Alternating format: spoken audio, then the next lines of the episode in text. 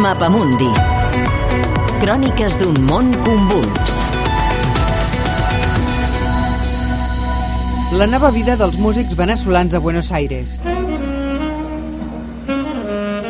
El metro de Buenos Aires és l'auditori habitual de l'Omar Zambrano, un saxofonista venezolà que fa un any va emigrar a l'Argentina fugint de la crisi política i econòmica de Venezuela.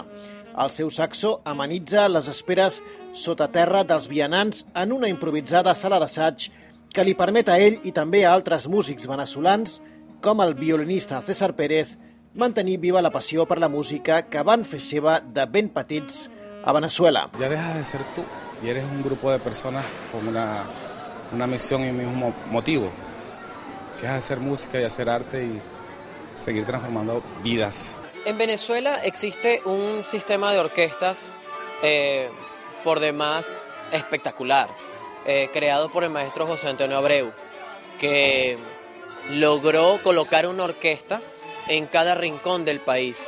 Molts dels milers de venezolans que han començat una nova vida a Buenos Aires són músics o toquen per afició.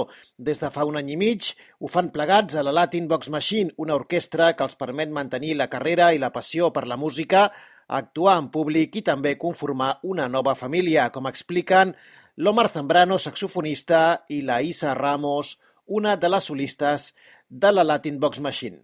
Y cuando llegas aquí te consigues con una cantidad de experiencias y corazones que están como tú y coincidimos en sentimientos.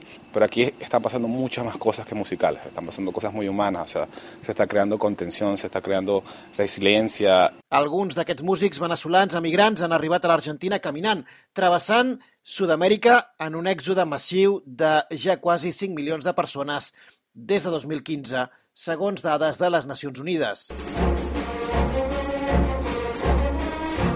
La Latin Box Machine ha actuat als principals centres culturals i teatres de Buenos Aires, una mena de catarsi col·lectiva per curar les ferides de la migració, expliquen la Verònica Rodríguez i en Jaime Nieto, ella al violoncel i ella a la trompeta. Esta orquesta es realmente especial porque cuando tocamos juntos es como si por un momento estuviéramos de nuevo en Venezuela.